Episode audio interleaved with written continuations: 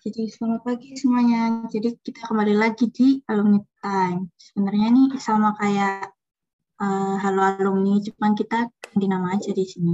Jadi sebelumnya kenalin nama aku Nadia dan temanku. Oh ya, halo kenalin uh, aku Husen. Jadi kali ini kita bakal ngobrol-ngobrol nih bareng salah satu alumni Teknik Fisika ITS, di mana beliau ini dulu merupakan Kahima dari angkatan 2015. Jadi mungkin uh, sudah bergabung dengan kita. Mungkin bisa langsung saja Mas Monggo perkenalan diri, Mas.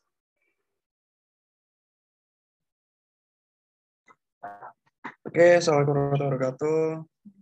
Perkenalkan, nama saya Wildan Ahmad Zufar. Saya dulu teknik fisika 2015, atau kalau di TF berarti F50 ya. F50, saya di Gresik. Kenal ya Mas Wildan. Jadi kalau boleh tahu tuh sekarang masnya lagi sibuk apa ini? Kalau sibuk ya alhamdulillah udah apa ya udah bekerja gitu ya. Udah kerja di salah satu perusahaan BUMN di Telkom Indonesia. Kebetulan penempatannya di Pasuruan. Kesibukannya itu aja sih. Ini kalau boleh tahu di BUMN-nya tuh ngapain mas?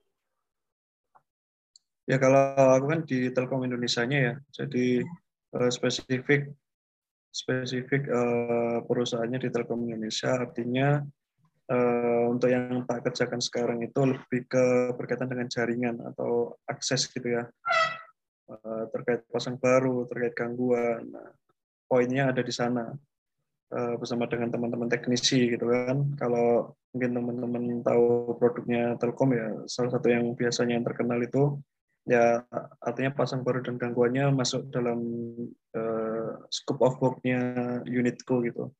Jadi bukan untuk marketing ya, tapi untuk pasang baru dan gangguannya.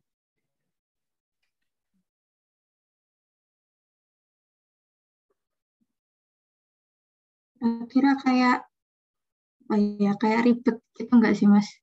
kerjanya atau kayak lingkungannya gimana gitu waktu kerja kayak beda banget gitu nggak waktu kuliah ya? Pasti beda sih cuman kayak kerasa beda banget gitu nggak? Kalau beda ya pasti berbeda lah. Artinya ini kan di luar apa namanya di luar eh, hal yang aku pelajari di kuliah gitu kan karena ini katanya sama akses. Mungkin sedikit lah terkait fiber optik ya dulu di foton gitu. Cuma kan hanya secuil banget yang tak belajar. Dari waktu di sini ya benar-benar belajar dari nol. Kayak orang eh, nggak eh, bawa bekal apa-apa udah kamu masuk ke hutan gitu kan nggak tahu isi hutannya seperti apa ya. Bapak alas lah istilahnya cari jalan sendiri nemuin jalan sendiri kayak gitu sih sampai uh, waktu itu ya sekitar satu bulan dua bulanan uh, masih blank nggak tahu harus ngapain. Tapi ya pelan pelan lah harus belajar harus bisa adaptasi uh, mengikuti ritme yang ada di sini gitu terus improvisasi. Itu aja sih. Kalau ribet ya pasti semua kerjaan yang kita nggak tahu gimana menyelesaikannya ya pasti ribet awalnya. Tapi kalau kita udah tahu uh, rules-nya gitu insya Allah nggak akan ribet sih semua pekerjaan itu jadi hampir kayak hampir nggak ada hubungannya sama teknik fisika gitu ya mas? Nggak ada sama sekali, nggak ada sama sekali. Oke. Okay. Mungkin bisa ngomong-ngomong atau gimana? Oh iya, uh, mungkin izin tanya ya mas ya. Uh, ini kan masnya kan di Telkom ya, mungkin dulu itu uh, aktifnya itu di mana aja mas mungkin mas? Uh, mungkin kayak di lab itu atau di himpunan kan sebagai kayuma juga kan? Mungkin di mana aja? Kalau kalau aku dari dulu sih uh, di organisasi terus. Kalau lab enggak ya bukan asisten lab lah istilahnya. Dulu dari tahun kedua itu kan kalau di ITS kan tahun kedua ya baru boleh nge-staff ya.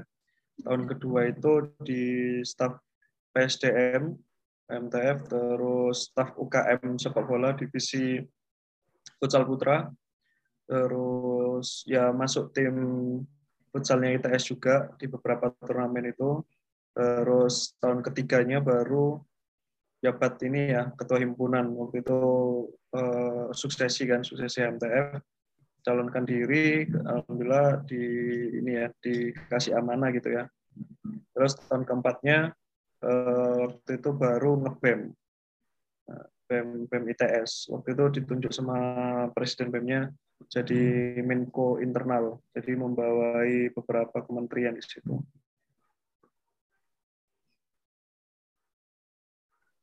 Oh ya mas, Berarti itu kan. Mas Oh, oh ya mas. Iya, Bentar. Berarti Ya, itu dulu Mas Mas Wilson nggak tertarik sama sekali buat jadi aslab, nggak, berarti nggak join lab sama sekali gitu. Kalau dibilang nggak tertarik ya nggak juga sih.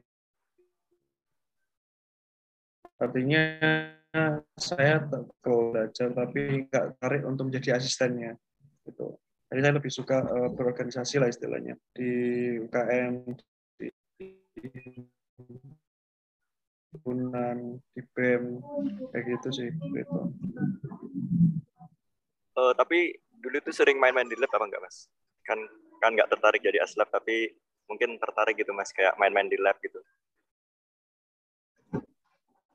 Kalau tahun kedua sih masih ya, tapi tahun ketiga kan karena jadi kahima ya, ya ini apa namanya eh, fullnya di sekret, sekret himpunan, karena kan jadi kahima masuk mainnya ke lab kan gitu. Nah, tapi eh, untuk sowan ke teman-teman di lab ya pasti dilakukan gitu kan. Nah, waktu tahun keempatnya ya pasti ke lab juga karena kan tugas akhir. Nah, jadi eh, ke labnya itu kalau memang ada keperluan lah istilahnya masuk lab itu.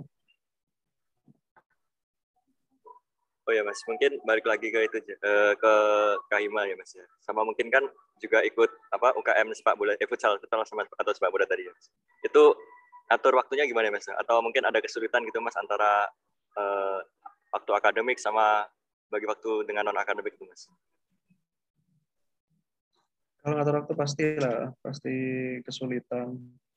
Eh, cuman memang tipikal dari akunya itu apa ya lebih lebih banyak di urusan soal himpunan dan juga UKM-nya waktu itu. Jadi kalau kuliah ya pokoknya kuliah eh, namanya kalau ada tugas yang dikerjakan udah itu. Memang eh, lebih lebih untuk mendalam itu masih kurang aku dulu. Jujur aja masih kurang ya pokoknya kuliah ya kuliah gitu kan. Cuma lebih lebih banyak aktivitasnya ya di luar kuliahnya tadi. Karena kalau kita kuliah kan sehari berapa jam sih gitu kan, cuma sedikit sedikit aja waktunya. Jadi lebih banyak di aktivitas di luar kuliahnya itu untuk organisasi.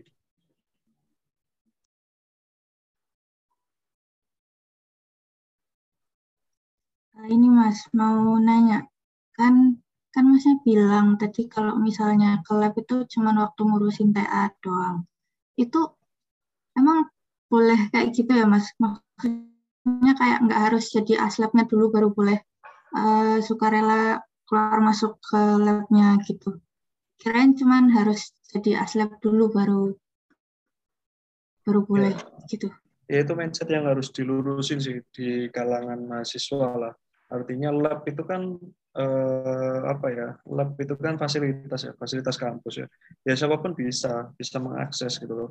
Terlepas dari setiap lab itu punya aturan ya, aturannya kan nggak berlaku kalau kita tujuannya ke sana buat belajar atau buat eh, apa ya ngakses peralatan-peralatan di sana. Sementing ada izin dan dengan kawannya gitu kan. Nah, tapi kan namanya juga kita datang ke suatu wilayah gitu ya, suatu ranah atau suatu lab, ya nggak mungkin kalau kita datang ke sana cuma ada butuhnya gitu kan. Ya saya juga pernah maksudnya kayak ke sana cuma ngobrol-ngobrol doang atau ya main-main doang gitu ya pernah. Cuma nggak yang sering banget gitu nggak. Apalagi kan kalau saya waktu tahun ketiga kan ya kebanyakan pengurusnya juga sama-sama sama-sama apa ya sama-sama satu angkatan kan pengurus labnya. Nah, ya masih nggak ada rasa sungkan lah di sana. Nah, tapi kalau sampai ada yang membatasi wong awamu kudu aslab kudu aslab kok rene orang butuh itu rene. Ya wajar lah namanya mahasiswa kan. Dan memang lab kan fasilitas kampus ya jangan dikotak-kotakkan seperti itu gitu kan. Ya orang di himpunan pun ya siapa pun bisa masuk gitu nggak harus pengurus sama. Kayak gitu jadi nggak boleh namanya di kota-kota kan kayak gitu nggak boleh. Itu aja sih. Hmm.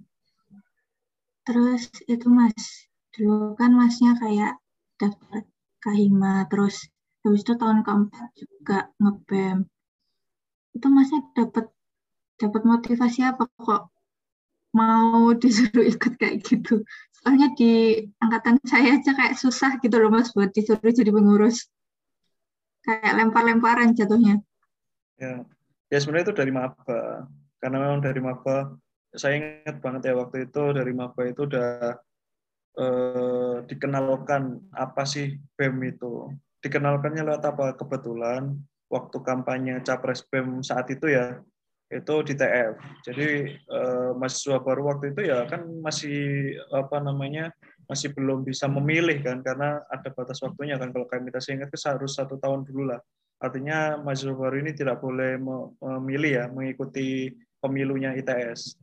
Nah, tapi waktu itu saya uh, tertarik gitu kan datang sana melihat uh, karena kebetulan calon salah satu calonnya itu juga dari Gresik gitu. Jadi satu darah lah pengen pengen tahu siapa sih gitu kan gimana apa yang dibawa. Nah, dari sana ya sempat terpikir kayak wah jadi presiden PEM kayak asik ya gitu tantangan pasti banyak gitu. Terus waktu ngelihat Kahima waktu itu saya maba itu Kahimanya Mas Mas Arsa waktu itu. Mas Arsa uh, lihat tuh keren ya maksudnya dia berbicara di depan umum bisa diperhatikan banyak orang kayak gitu-gitu terus ngurusi himpunan ngurusi orang banyak gitu. Ya terpikirkan aja waktu itu. Tapi sering berjalan waktu ternyata uh, banyak dorongan-dorongannya gitu kan untuk mencalonkan jadi ketua MTF ya akhirnya uh, berani di sana. Nah, kenapa kok tadi bilang jadi pengurus saja susah? Ya karena pada nggak ada yang tahu tujuannya itu buat apa gitu kan. Kita jadi pengurus HMTF itu buat apa itu nggak tahu. Coba kalau teman-teman itu tahu dikenalkan, pasti eh, apa namanya ngerti oh tujuan HMTF itu ini loh. Artinya aku pasti dapat positifnya loh di HMTF itu.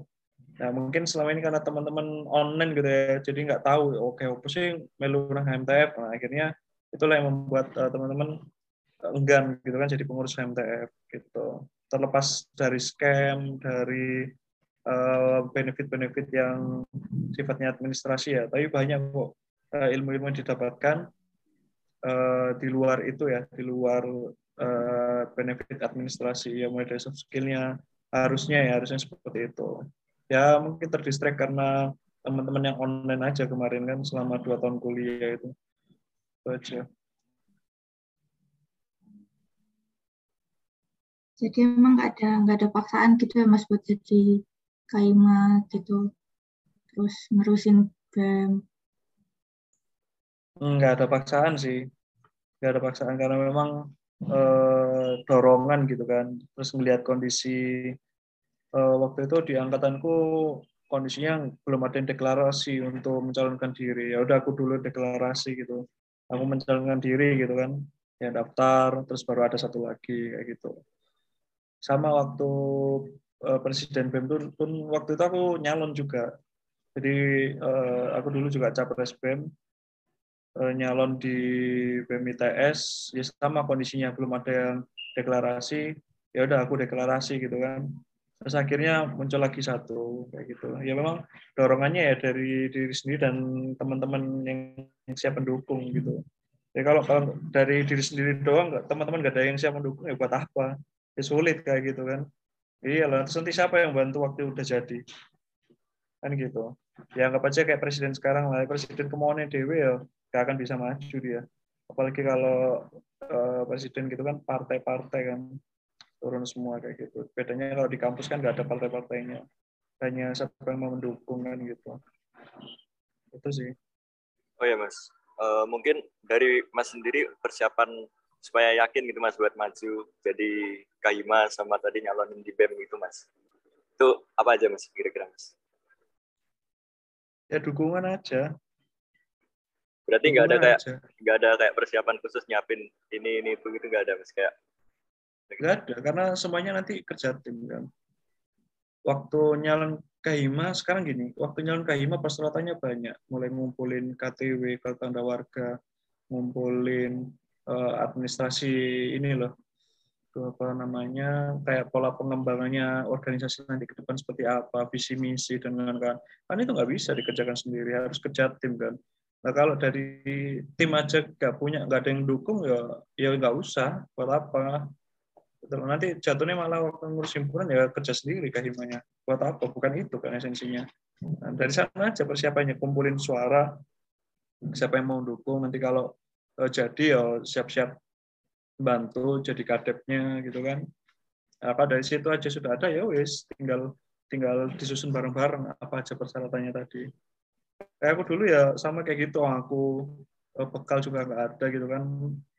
Eh, istilahnya ngerti soal organisasi itu gak seberapa. Ya aku guide tim buat yang ngerti organisasi yang bantu aku gitu merancang visi misi eh, sampai sampai dengan proker unggulan. Gitu. Berarti lebih ke nekanin ke suara terlebih dahulu ya mas berarti ya, sebelum maju gitu ya mas? Bukan suara ya bukan suara. Eh, artinya pendukung. tim yang mendukung. Oh, Ah, tim yang mendukung jadi mendukung itu bukan cuma ya kok aku tak kasih suaraku buat kamu enggak. Tapi tim yang mendukung itu yang merancang dulu. Kalau timnya udah kuat ya enak gitu loh.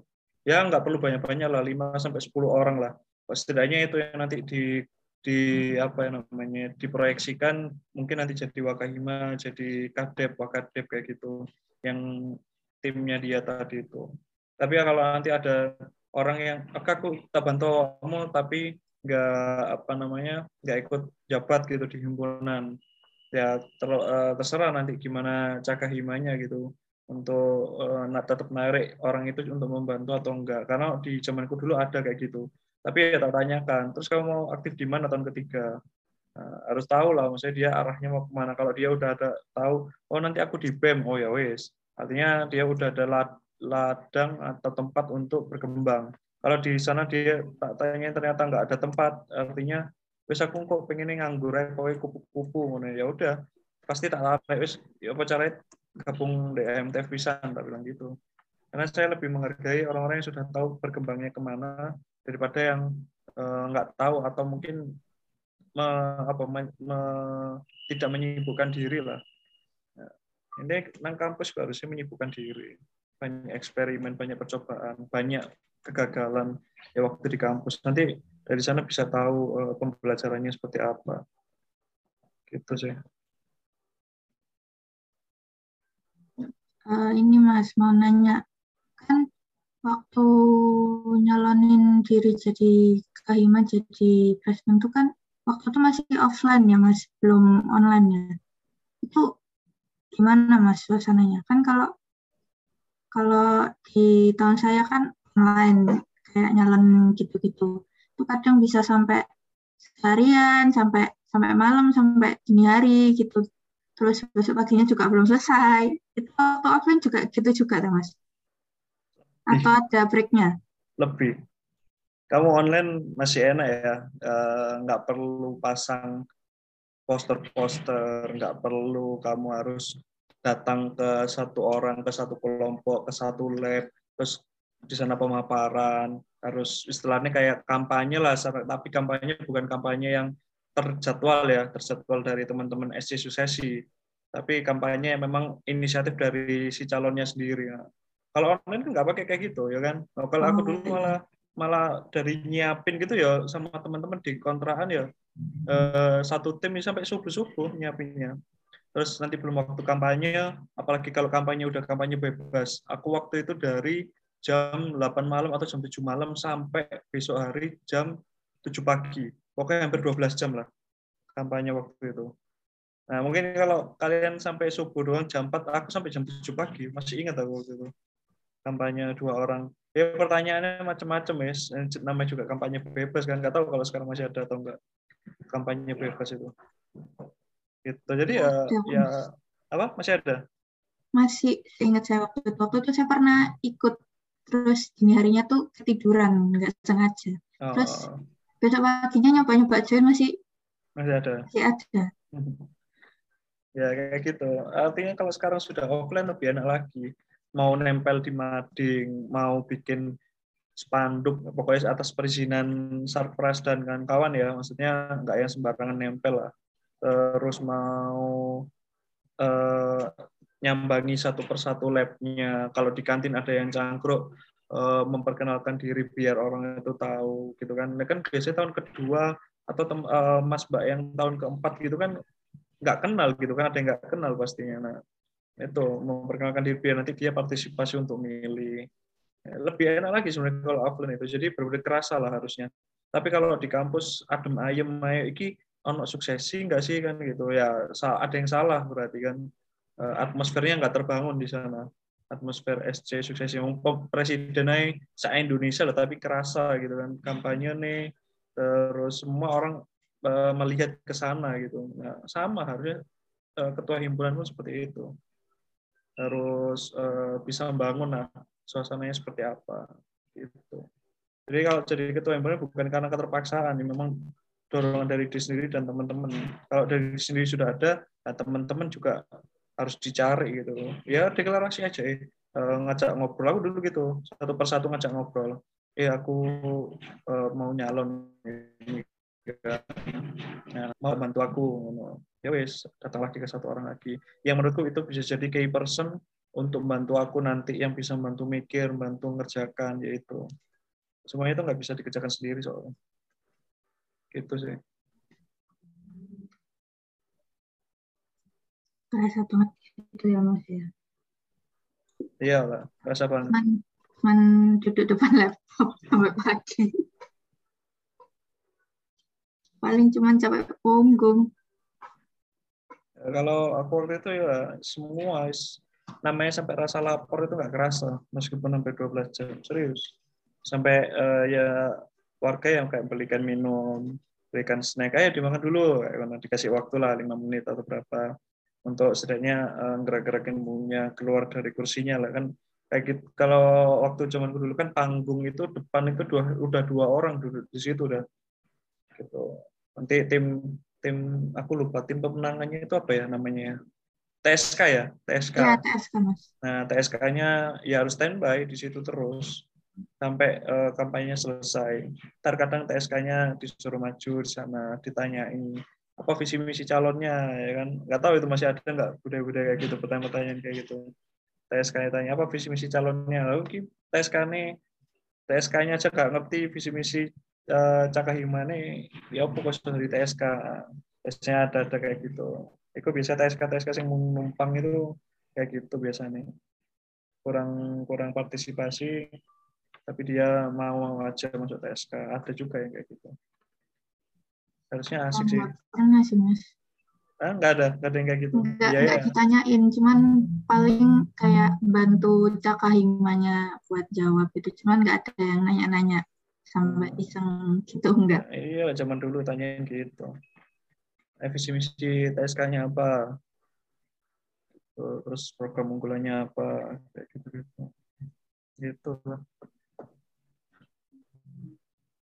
ya mas. Uh, kalau sekarang itu mungkin dari uh, dari pengalaman saya kemarin ya mungkin tuh uh, banyak yang lebih ke PC pribadi gitu kayak lewat WhatsApp gitu ngasih kan gitu mas. Buat ngenalin salahnya gitu. jadi jarang kayak ada yang nanya nanyain gitu mas. Mungkin agak kurang sih. Secara berarti nggak ada Koreanya. berarti nggak ada yang kayak nembusi komting angkatan contoh nih? Berarti yang mencalonkan diri ke depan ini angkatan berapa? 2000 2020 gitu, nanti ke depan ini. 2020 ya, berarti ya. 2020 nanti tahun ketiga kan ya, mau masuk tahun ketiga. Eh, sorry udah masuk tahun ketiga ya, 2020. Iya, ya, ya mau barusan mau ya. Ya. Nah, lah kenapa dia nggak cakahimanya ngecat aja kontingnya, e, Mas atau Mbak, e, saya mau apa namanya mau kampanye gitu kan, bisa nggak difasilitasi nanti diinfokan ke angkatannya. Lah ngapain harus PC satu persatu ya? Mending undang aja di Zoom gini. Kalau itu masih online ya, satu persatu apa satu persatu angkatannya dari 2000 2019 contohnya. Ya udah share ke komtingnya, Mas, ini saya ada ini kira-kira bersedia nggak ya angkatan 2019 uh, eh, untuk uh, kampanye uh, apa namanya saya wadah saya untuk memperkenalkan diri gitu kan karena di masa kampanye harusnya kan kayak gitu waktu online dulu ngapain harus satu persatu PC buang-buang waktu lah menurutku ya buang-buang waktu. Nah, nanti dari situ kan kelihatan yang datang siapa, baru yang nggak datang mungkin bisa di PCI atau diteleponi bahkan. Atau aja sekalian uh, zoom bareng gitu kan. Itu aja. Tapi kalau offline gini harusnya lebih enak ngumpulin angkatan-angkatannya. Kan kelihatan jadwal habis kelasnya kapan. Nah nanti bilang ke komtingnya kumpulin satu persatu angkatannya kan gitu harusnya kayak gimana kan gitu biar dia diketahui programnya apa dikenal juga. Nggak usah takut takut kalau jadi kayak mau jadi kahima itu cak kahima harus berani. Urusan nanti dihujat urusan nanti dijelek-jelekin ya urusan belakang. Yang penting orang udah tahu kan? Kemungkinannya kan orang yang memperkenalkan diri dengan yang tidak sama sekali kan? Lebih peluang yang memperkenalkan diri. Peluangnya apa? 50% dia bakal dipilih atau 50% ya udah aku golput tapi kalau dia yang nggak memperkenalkan diri, ya pasti 100% dia nggak akan dipilih, nggak kenal kok. Ya kan, logikanya kan gitu. Itu. Makanya kalau bisa ya paling nggak orang itu tahu namamu itu siapa, kamu aslinya dari mana. Oh ini dia nyalon. Loh, calon satu yang mana yo? Kok gak, kok gak kelihatan? Nah, ya wis resiko gitu kan. Gitu. Sering-sering kampanye gitu ya Mas Jadi? Iyalah, kalau waktu kampanyenya dua minggu ya dimanfaatkan dua minggu. Kan udah terjadwal, oh, maksudnya ada yang kampanye terjadwal, ada yang enggak tuh. Nah, ya udah disiapin. Terus eh, strategi strateginya itu gimana kalau offline gimana, secara online-nya gimana, entah itu dari sosial media, dari poster, dari apa, yang semua dikerahkan lah. Kan gunanya tim itu untuk itu. Ada tim bagian bikin poster sama posting, tim yang nyusun materi, terus tim yang gerilya ke bawah-bawah buat buat ini apa namanya narik suara gitu kan. Ya banyak lah. Itu tuh butuh persiapan berapa hari sih mas buat nyiapin kayak gitu-gitu? Nggak ada yang ideal sih nyiapin gitu-gitu maksudnya kayak harus berapa hari? Ya kalau orang yang sudah niat dari awal ya dia ada dorong di, dari diri sendiri ya dari enam bulan yang lalu sebelum ada pemilihan sebelum ada pendaftaran calon kahima ya dia udah nyiapin pasti. Kalau aku dulu sih saya ingatku itu sekitar berapa? Dua bulanan mungkin. Dua bulanan. Sebelum karena aku udah tahu kan oh timelinenya kayak gini nih bakal ada pendaftaran di tanggal sekian bulan sekian atau bulan sekian gitu kan ya udah berarti aku harus persiapan dari dua bulan atau tiga bulan sebelumnya untuk itu. Karena kan nyusun tim cari orang itu susah loh. Cari orang itu susah. Belum nanti uh, nyusunnya. Belum nanti kalau timnya itu ada yang uh, di tengah jalan terus eh, aku tak aku ngundurin diri ya kayak gitu gitu banyak hal lah. Nah ada itu kalau aku dulu sih dua sampai tiga bulan. Tergantung masing-masing orangnya lah gimana mempersiapkannya? Hmm, saya kira cuma cuma sebulan gitu mas terus jadi. Enggak sampai tiga bulan. Ya uh, memang dua sampai tiga bulan itu saya belum deklarasi tapi sudah menggait orang-orangnya. Deklarasinya itu waktu mendekati pendaftaran tadi keangkatan apa namanya kalau saya mau mencalonkan diri kayak gitu.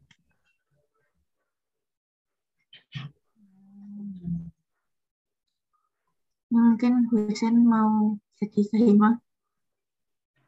Oh ya mungkin lanjut ke per, uh, selanjutnya ya Mas. Mungkin dari uh, dari yang uh, apa yang di yang diikuti Mas tadi kan dari Kaima terus jadi uh, di BEM juga terus juga diikuti UKM juga. Nah itu apa aja sih mas yang benefit yang didapetin gitu mas? Ya, ya kalau ngomong benefit uh, satu sih yang uh, yang pasti ya yaitu apa gitu namanya ya ngatur tim ngatur tim itu pasti didapetin banget terus yang kedua public speaking yang ketiga uh, apa ya istilahnya itu relasi relasi lah. Karena kalau kita udah jadi kadep atau pengurus himpunan pasti kenalannya kita satu fakultas pasti kenal. Ntar yang kedua pasti dengan himpunan yang lain di luar fakultas kita pasti lebih kenal lagi. Apalagi kahimanya ya kan? Sering kumpul kahima kan pastinya uh, apa namanya dulu ya aku lupa Forpres ya forum presidium. Nggak tahu namanya sekarang masih sama atau enggak Forpres itu forum presidium itu ya kahima kahima semua. Itu kan relasi. Jadinya kan kenal oh di jurusan ini ada ini jurusan ini ada ini jurusan ini ada ini. Itu relasi. Terus banyak sih uh, tapi manfaat itu tuh kayak kita kita rasain tuh nggak yang instan. Artinya kita baru kerasa kalau nanti kita waktu udah lulus terutama. Kayak saya sekarang ya. Saya baru ngerasain ini kalau waktu udah lulus kan kalau kerja itu mau nggak mau harus perkenalan di depan uh, pimpinan terus harus komunikasi sama tim gimana caranya biar tim itu bisa ngerti yang kita maksud gitu kan. Kan kadang ada orang yang ngomong di depan umum tapi dia nggak tahu sih uh, juntrungnya itu atau poinnya itu di mana. Kadang orang yang mendengarkan nggak paham apa sih maksudnya yang mana nah itu uh, kalau nggak dipelajari learning by doing ya akan susah nanti harusnya uh, kebanyakan orang-orang himpunan itu lebih survive juga orang-orang pengurus. Karena dia harus ngurusi kuliah tapi dia juga harus nyambi ngurusi orang lain ngurusi mahasiswa di jurusannya kan gitu kan. Banyak sih uh, yang didapatkan. Dan pasti baru dirasainnya nanti waktu udah lulus. Waktu udah lulus baru kerasa nanti.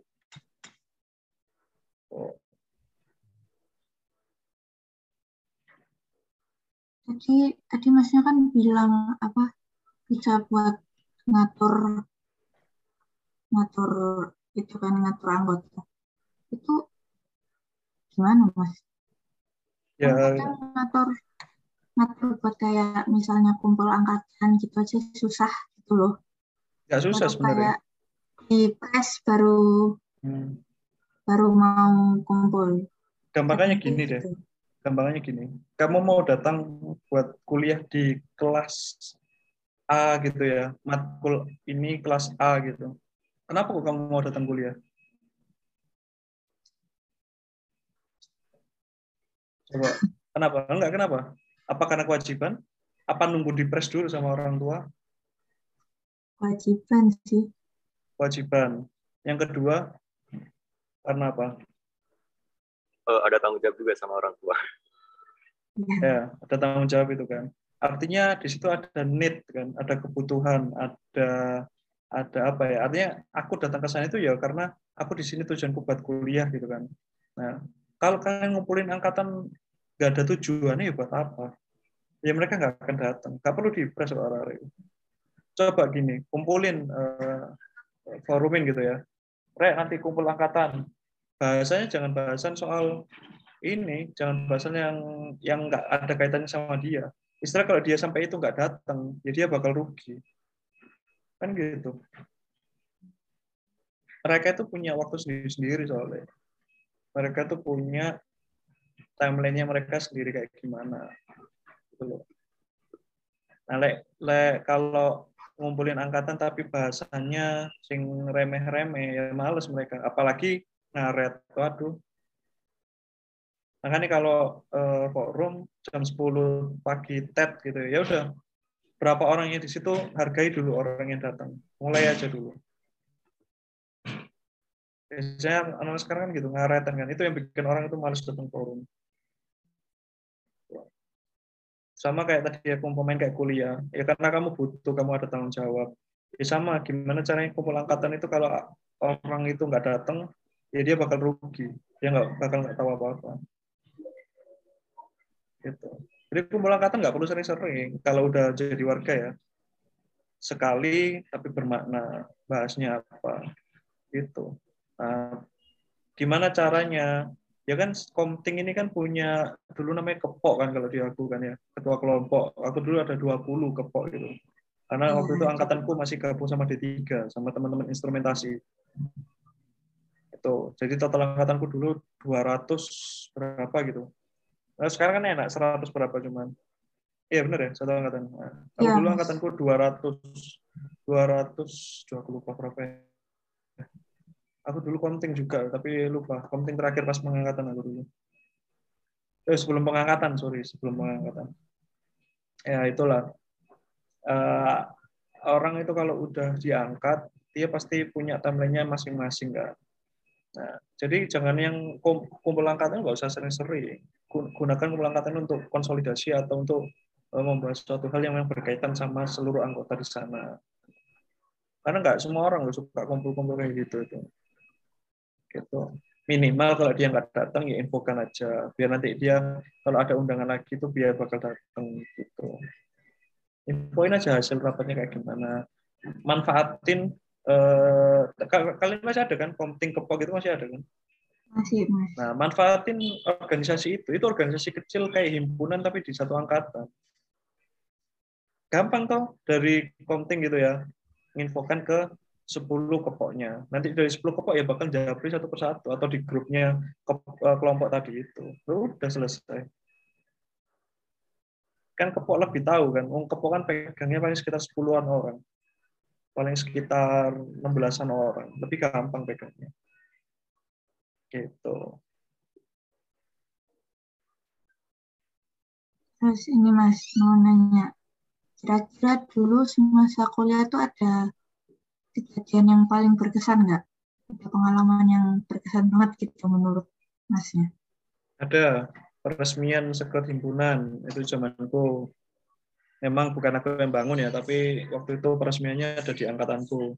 Masih ada almarhum Pak Endra Cordova, terus masih ada Pak Agus Muhammad Hatta yang sekarang jadi kepala apa sih lupa aku di ITS ya.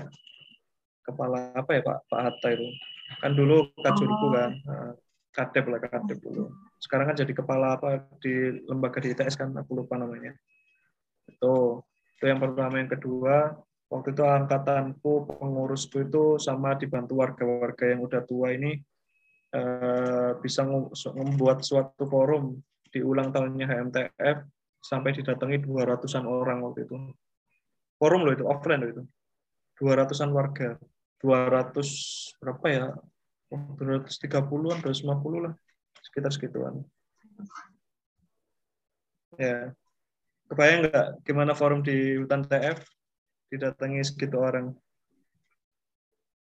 Kayak mau tawuran lah mas. Oh iya, benar. Aku masih ada kok fotonya. Foto tak cari nanti tak share screen lah. Sambil jalan lah, sambil jalan. Iya ya, ramai banget. Ramai banget emang. Um, kita waktu itu pakai apa ya nama judulnya itu HMTF ITS uh, lanjut atau bubar 35 tahun HMTF ITS lanjut atau bubar Judulnya waktu itu kayak gitu. Nah, intinya di sana eh, kita bangun keresahan, kemudian kita refleksi kurangnya HMTV apa sih dari sisi pengurus, dari sisi apa namanya warga DW itu kurangnya apa sih kira-kira gitu. Dulu kayak gitu sih. Entar Pak Anu, entar saya di sini, tak cari nasi. Aku udah tunjukin kok ke Hadi sama Irvin ya kemarin waktu uh, ketemu cangkruk cangkruk di Deles ya. Oh iya. iya. Nah, itu tak, tak kasih tahu ke mereka kok.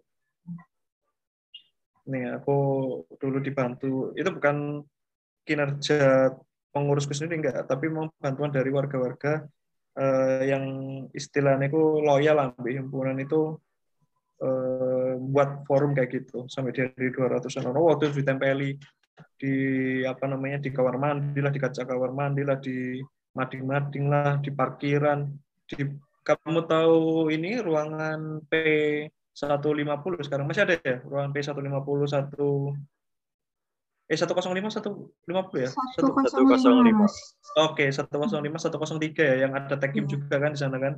Iya. Tahu pagar itu yang depannya itu yang sekarang ada panggungnya juga. Oh, itu ditempeli dulu sama teman-teman udah pokoknya ditempel semua wis. Digawe rame pokoknya MTF ini ngono. Dulu kayak gitu. Terus uh, sampai akhirnya aku dipanggil sama Pak Hatta waktu itu kacurnya Bil kenapa ini kok MTF kok ada omongan mau dibubarkan kayak gitu kan? Ya Pak sampaikan Pak ini uh, beberapa tujuannya ini kayak gitu. Ya bentar Pak tak buka ya Ya, monggo, Mas, monggo. Ya, saya screen boleh ya? Iya, Mas. Boleh, Mas. Monggo. Udah muncul belum? Udah. Oh, udah, Mas. Nah, itu tuh.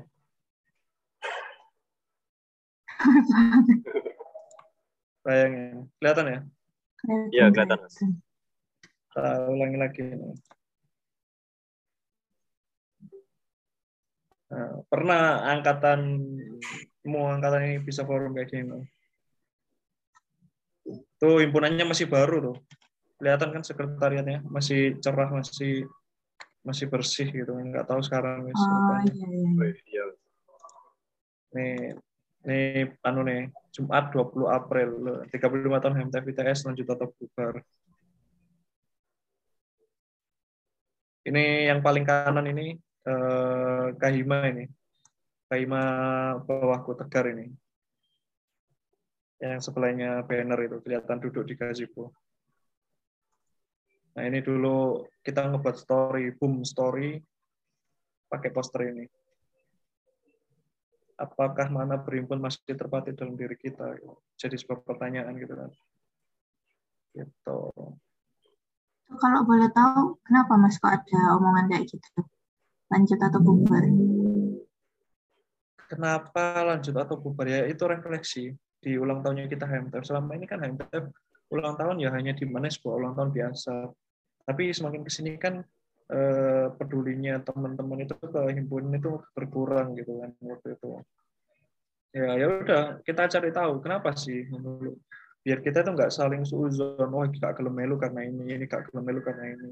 Ya udah kita kumpulin aja di situ.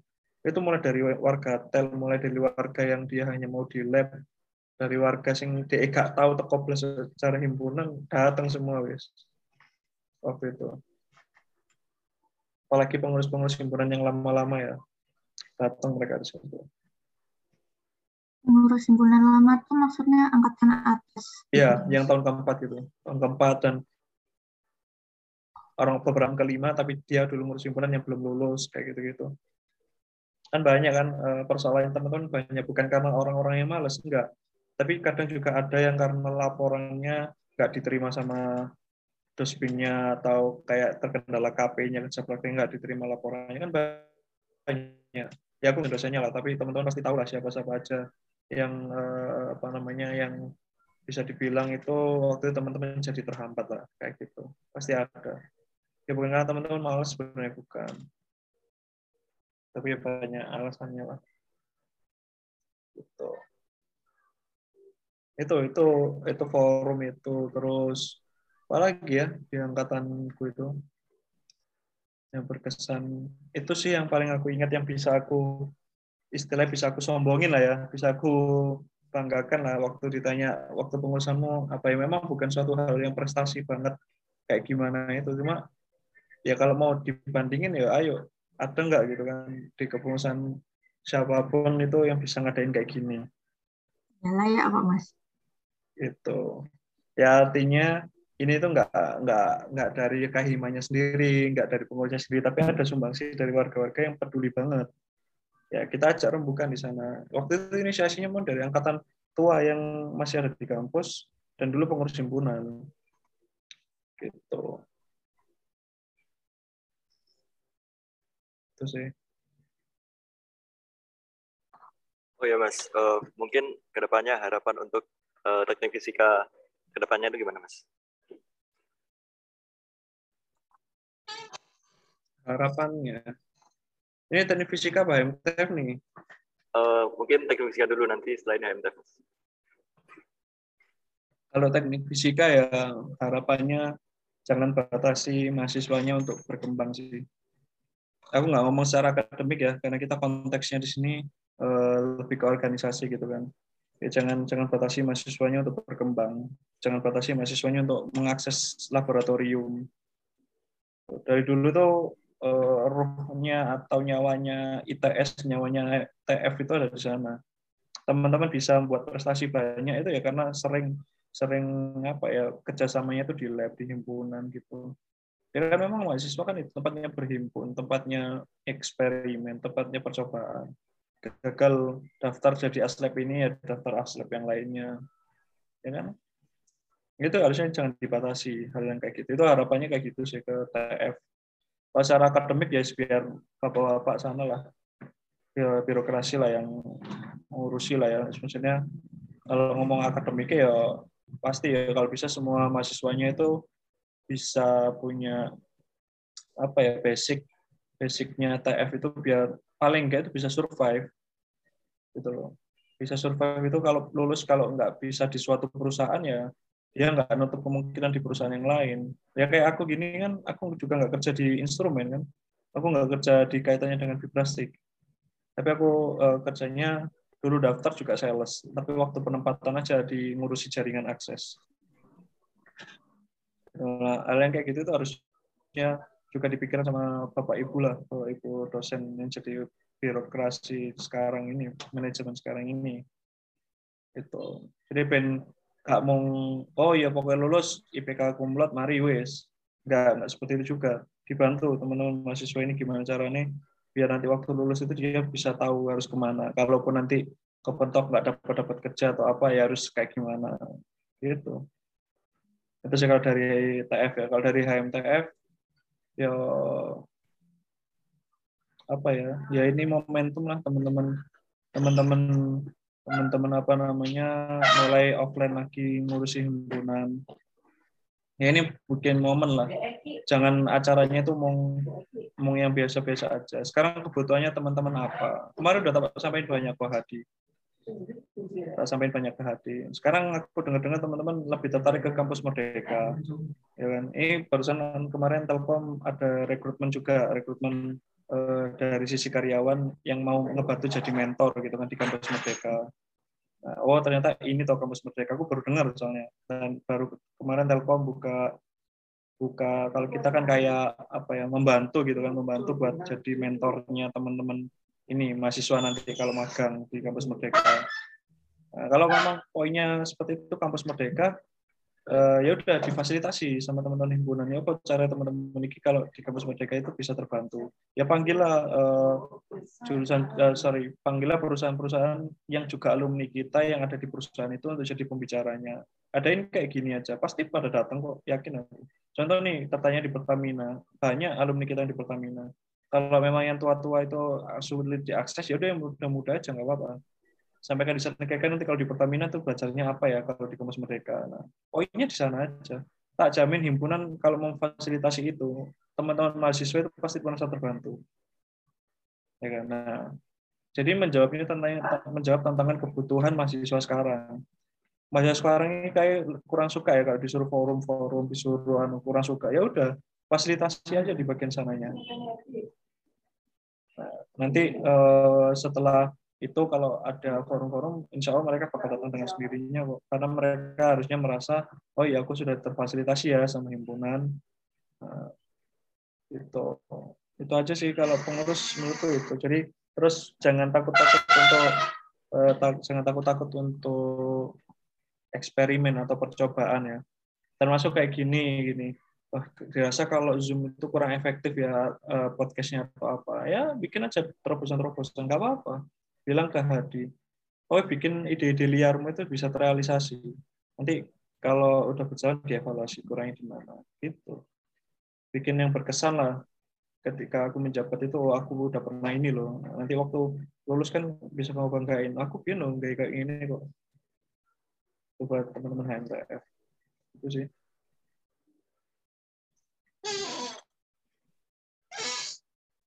Mungkin ada yang diharapin buat mahasiswanya nih mas. Ada nggak mas kira-kira?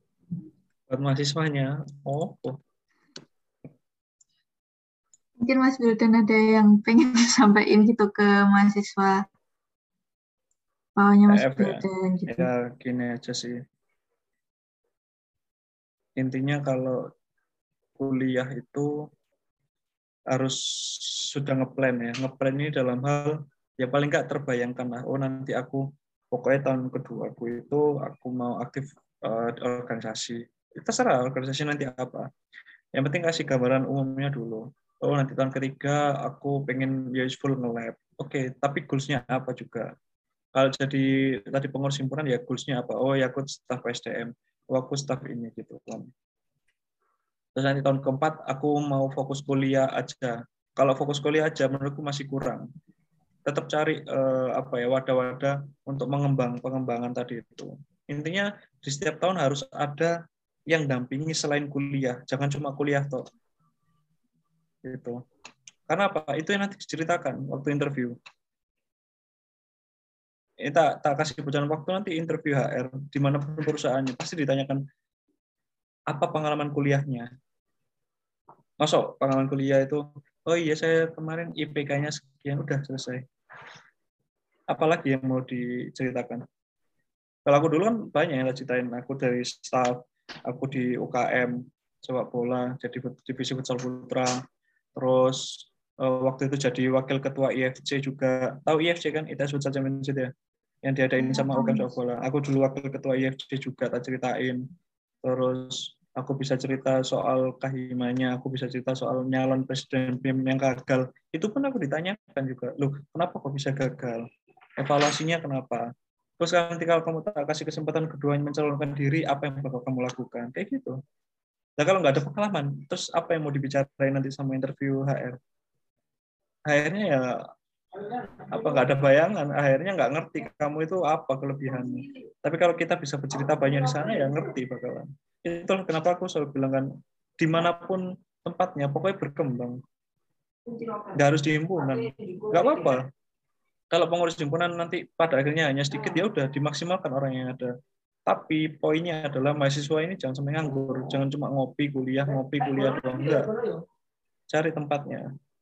Emang tempatnya di UKM silahkan. Kalau emang tempatnya di mana namanya lab silahkan. Tapi di lab ya jangan cuma untuk tempat istirahat doang buat tempat tidur doang jangan. Jadi explore di sana yang berkaitan dengan lab. Jangan karena seneng asisten lab terus koyo apa sih namanya laporan-laporan itu? Laprak ya? Laprak ya, laporan praktikum ya? nah, lapres ya kan? Oh ngoreksi nyoret nyoret seneng ngono nih. Ya buat apa sama kayak di himpunan juga jadi pengurus ya jangan cuma karena seneng ada tempat sekretariat untuk tidur untuk istirahat enggak. Tapi kalian kan habis kuliah nanti mikirin agak ada tugas ya tapi mikirin. Proker proker ini kan nanti satu bulan ke depan berjalan nih apa ya sing harus aku kerjakan ya nah mulai dari proposalnya mulai dari berapa sampai hal teknisnya kita rapatin kita kumpulin staff yang terkait nah kayak gitu. Jadi eh, saran saya setiap mahasiswa itu harus punya tempat berkembang. PR PSDM ini untuk mendata untuk mapping untuk meyak bukan meyakinkan ya untuk eh, apa namanya mahasiswa-mahasiswa yang dia itu males pokoknya cuma kuliah toh tak jamin rugi Ista tak jamin rugi karena nggak ada hal yang nanti bakal kamu ceritakan kalau sudah mencapai tahap interview HR nanti. Kalau interview user beda lagi ya itu hal yang berkaitan dengan hard skill gitu kan. Materi tentang kuliah tentang pemahaman. Tapi kalau ngomong soft skill itu ada di HR nanti. Semua mulai dari TA-nya ditanyain. Kamu di TA itu bukan soal materinya ya tapi kamu di tim itu ngapain sih? Kamu ngebantu nggak di tim itu contoh satu TA gitu kan, satu judul lo. Kamu di TA ini eh, ngapain aja gitu kan. Oh ini bla bla bla bla. Oh saya juga dibantu sama teman saya. Terus nanti teman saya ya saya apa namanya traktir lah untuk makan atau apa sebagai rasa terima kasih atau apa. Di sana kan artinya apa? Ada ada keterkaitan personal satu dengan yang lain gitu kan. Artinya kamu juga menghargai teman yang sudah membantu itu juga ada nilainya pasti. Karena kan kalau kita ngomong di pekerjaan itu saling membantu, bukan kamu kerja sendiri udah kamu hidup sendiri enggak enggak kayak gitu. Nah, jadi kalau pesannya ya itu tadi poinnya di sana, jangan sampai nggak ada tempat untuk berkembang sampai tahun keempat pun. Jadi tahun keempat bukan cuma fokus TA udah selesai enggak. Itu itu menurutku kayak gitu sih. Nah, bayangkan gimana rasanya apa namanya apa ya, ya intinya juga nanti kehidupan di luar kampus itu lebih menantang lebih challenging. Pastilah apa yang ada di kampus sekarang itu nggak seberapa. Nggak seberapa serius. Coba bayangin kamu udah lulus terus setahun nggak dapat kerja. Ya apa rasanya? Ya, tadi tadi omongan tonggo jadi omongan yeah. dulur-dulur ya kan? Sendiri-sendiri kayaknya. Iya. Nah kalau saya kuliah itu pencarian jati diri. Ngerti uh, kelebihanku di mana ya? Nah, kalau aku udah ngerti kelebihanku berarti aku mendaftar perusahaannya itu yang ini. Jangan terkungkung lah kita instrumen terus ya wis pokoknya aku di perusahaan sing kaitan dengan instrumen sing contoh kayak Pertamina ya wis sing berkaitan dengan apa pokoknya dengan tekniknya lah nggak harus. Emang di marketingnya buruk nggak juga. Intinya mau ngopo kerja kan? Intinya orang itu dapat kerja kan? Itu nah, itu yang masih uh, di Telkom ini ya jangankan orang teknik yang jadi sales orang geomatika jadi sales lo ada. Ada alumni geomatika ITS jadi sales lo ada ya kan? Nah poinnya apa ya? Jangan menutup diri sendiri dengan ya wis aku aku lihat teknik ya wis aku uh, kuliah di instrumen aja mari. Enggak. Buka lah peluang-peluang itu. Kita nggak ada yang tahu rezeki kita di mana ya. Itu ya. survive lah ya. Survive harus bisa survive. Jangan berhenti di satu bidang doang. Itu aja sih. Ini mas mau nanya. yeah uh, kan tadi masnya bilang waktu TA tuh ada kayak kita tuh ngebantu apa di tim-timnya gitu. Emang waktu TA tuh bukannya kita kita ngerjain TA kita kan, terus kan dibantu sama dosen pembimbingnya.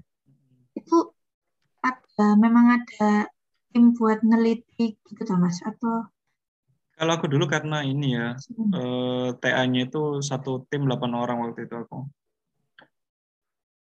eh kok 8 sih? Sorry. Enam orang. Enam orang. Enam orang. Uh, jadi aku waktu itu tuh sama dosen pembimbingnya waktu itu Pak Samsul. Ya suaminya Bu Aul Aulia Siti Aisyah. Nah uh, topiknya waktu itu boy waiter. Jadi memang satu alat gitu ya.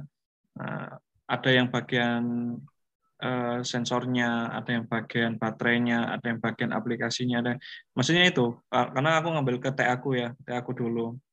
Kita kan akhirnya saling membantu di sana, ya kan? Karena kita grup waktu itu. Cuma emang topiknya sendiri-sendiri, cuma satu alat. Nah, kita aku cerita waktu itu kerjasamanya di sana. Itulah. Sebenarnya kalau TA yang teman-teman sendiri-sendiri ya, ya sama sebenarnya kan. Yang membedakan apa sih topik satu orang dengan orang yang lain? Paling yang membedakan adalah metodenya atau variabelnya doang kan. Tapi ilmunya kan sama, cara menghitungnya dan kawan-kawan kan sama. Nah, anggap aja lah kalian udah tak selesai di tahap ini. Terus kalian tanya di teman-teman, ayo mana yang mau dibantu soal ini, kan nggak apa-apa. Itu kan juga bisa diceritakan nanti. Artinya kamu kalau sudah selesai satu pekerjaan, ya kamu bukan santai-santai, tapi ikut membantu teman-teman yang yang kesusahan. Itu.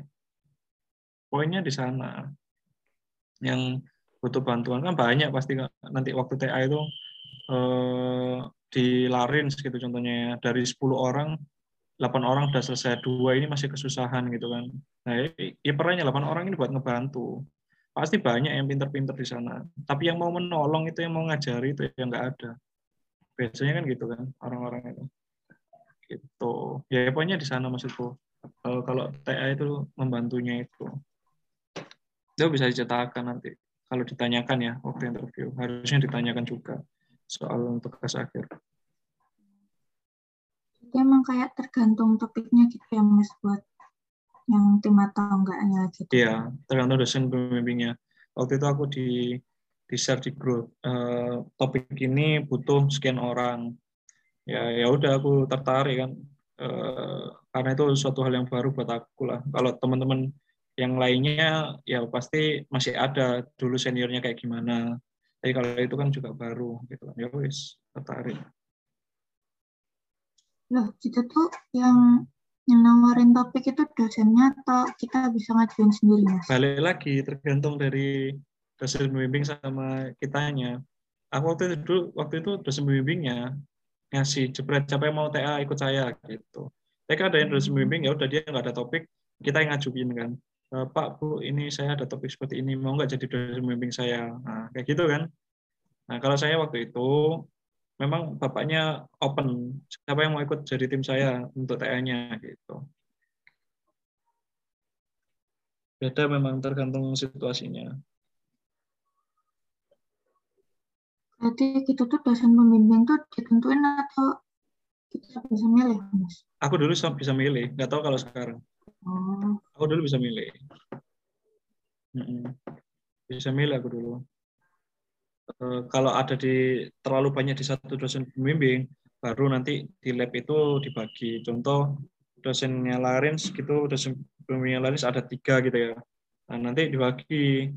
Yang daftar ada 30 orang tapi dia 28 orang ke satu orang ya. Berarti ada beberapa yang diikut dosen pembimbing dua dosen pembimbing tiga yang ini kayak gitu jadi ntar bakal dibagi kok. Kalau memang di satu lab dia menumpuk ke satu dosen aja. Kan ono kan dosen pembimbing yang favorit itu pasti ono lah. Oh. iya dan pasti ada juga dosen pembimbing yang enggak ada mahasiswanya. Pasti ada juga kayak gitu. Ataupun ada ya cuma satu cuma dua orang ya pasti ada kayak gitu. Gitu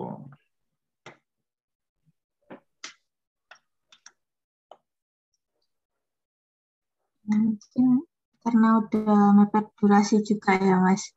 Sudah kelamaan ngobrol nih kayaknya. Mungkin dari masnya ada kayak closing statement gitu.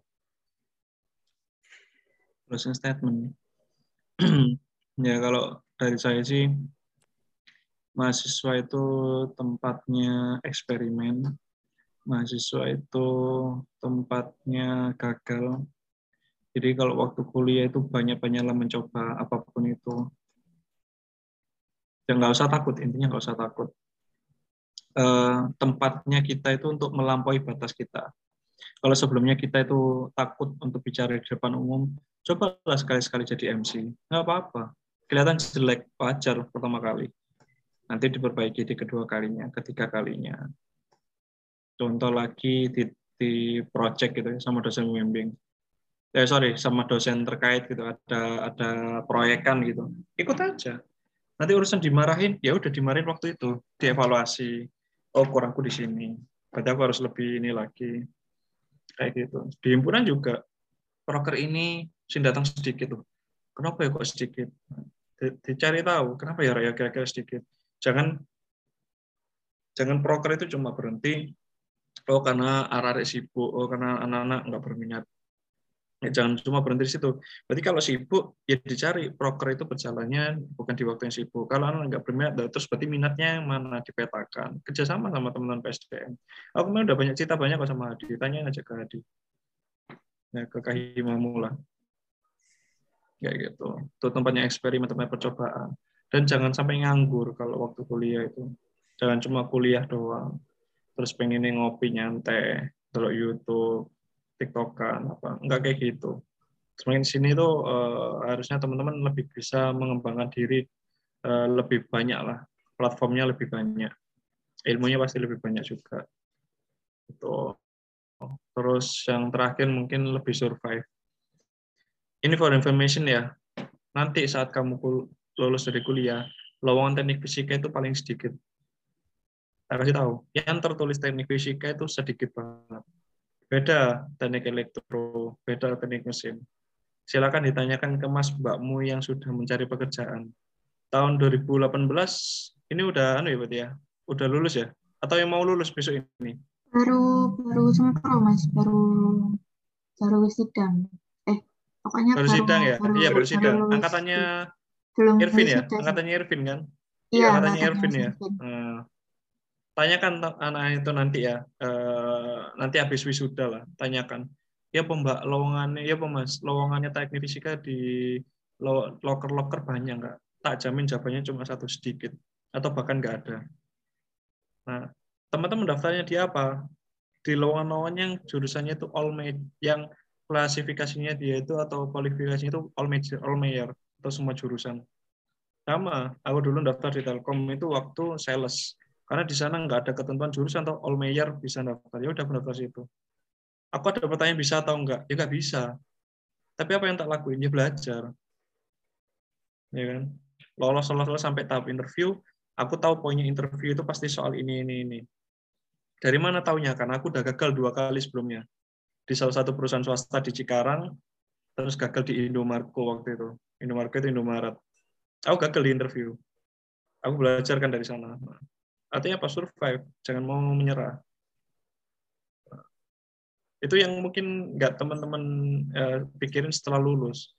Ini tak kasih tahu dari sekarang. Sedikit lowongannya teknik fisika. Silakan nanti di dicari sekarang wis cari-cari oh di Instagram dan lowongan kerja apa perusahaan-perusahaan juara yang buka teknik fisika paling paling di perusahaan-perusahaan itu pun yang gede banget ya mudah-mudahan Pertamina selam bersih kayak atau apa. Tapi kan yang diterima berapa orang emang? Iya kan? Mereka butuhnya berapa hmm. orang memang iya. Dibandingkan kita satu lulusan berapa orang? Itu ya, satu banding seribu gitu nah, istilahnya kayak gitulah. Belum ketemu musuh-musuh yang lainnya kan gitu. Jadi survive-nya jiwa survive-nya harus tinggi dari sekarang dari mahasiswa. Jadi sekarang mahasiswa itu udah di plan nanti tahun ketiga aku ngapain tahun keempat aku ngapain gitu terus nanti kalau udah lulus jangan menutup kemungkinan untuk bekerja yang bukan di bidangnya sekarang teman-temanku juga ada yang di Gojek, jadi data analis ada. Dipelajari waktu kuliah? Enggak. Tapi apa mau belajar? Teman-temanku ada yang jadi uh, bisa dibilang kayak salesnya Nestle. Dia kuasai area Madura. Ada nggak pelajaran di kampus? Nggak ada. Tapi apa? Karena dia mau, mau belajar juga. Nah kan gitu kan. Tuh, ya banyaklah uh, contoh-contohnya yang lainnya juga. Kemarin ini minggu yang lalu ya, Telkom kan ada kerjasama sama Pertamina untuk di digitalisasi SPBU gitu ya. Nah kok kebetulan yang pegang area wilayah Pasuruan ini sama Malang itu namanya Mas Ayub. Ya kita kenalan biasa kan karena pertama kali ketemu.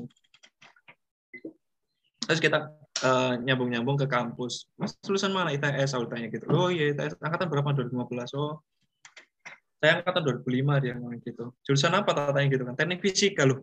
Teknik fisika lah, aku teknik fisika mas, tak bilang gitu kan. Nah, dia pun juga di sales, tapi dia yang ngurusi SPBU. Nah, dari Pertamina, tapi untuk bagian apa marketingnya lah istilahnya. Kalau SPBU, eh, kalau Pertamina kan salah satu produknya kan ya ada di SPBU kan. BBM BBM gitu kan. Nah, di situ loh. Artinya jangan menutup kemungkinan peluang-peluang kayak gitu itu terbuka aja. Yang penting apa mau belajar survive udah itu. Saya aja sih kalau yang saya tak sampaikan ya. Uh, sering-sering ngundang alumni aja untuk sharing ke teman-teman nanti biar biar ada bayangan lah gimana nanti di dunia pekerjaan, gimana saat sudah lulus nanti siapa pun alumninya ya. Siapa pun alumninya. Itu aja. Terima kasih. Ya mas. Terima kasih banyak mas. Uh, gak kerasa nih udah ngobrol cukup lama ya mas sama mas Wildan uh, mungkin mungkin bisa disambung di lain waktu. Mungkin itu aja sih. Terima kasih banyak mas. Oke sama-sama. Siap sama-sama. ya makasih juga buat nanti para pendengar yang lagi dengerin podcast ini Selamat bertemu di episode selanjutnya. Sampai jumpa.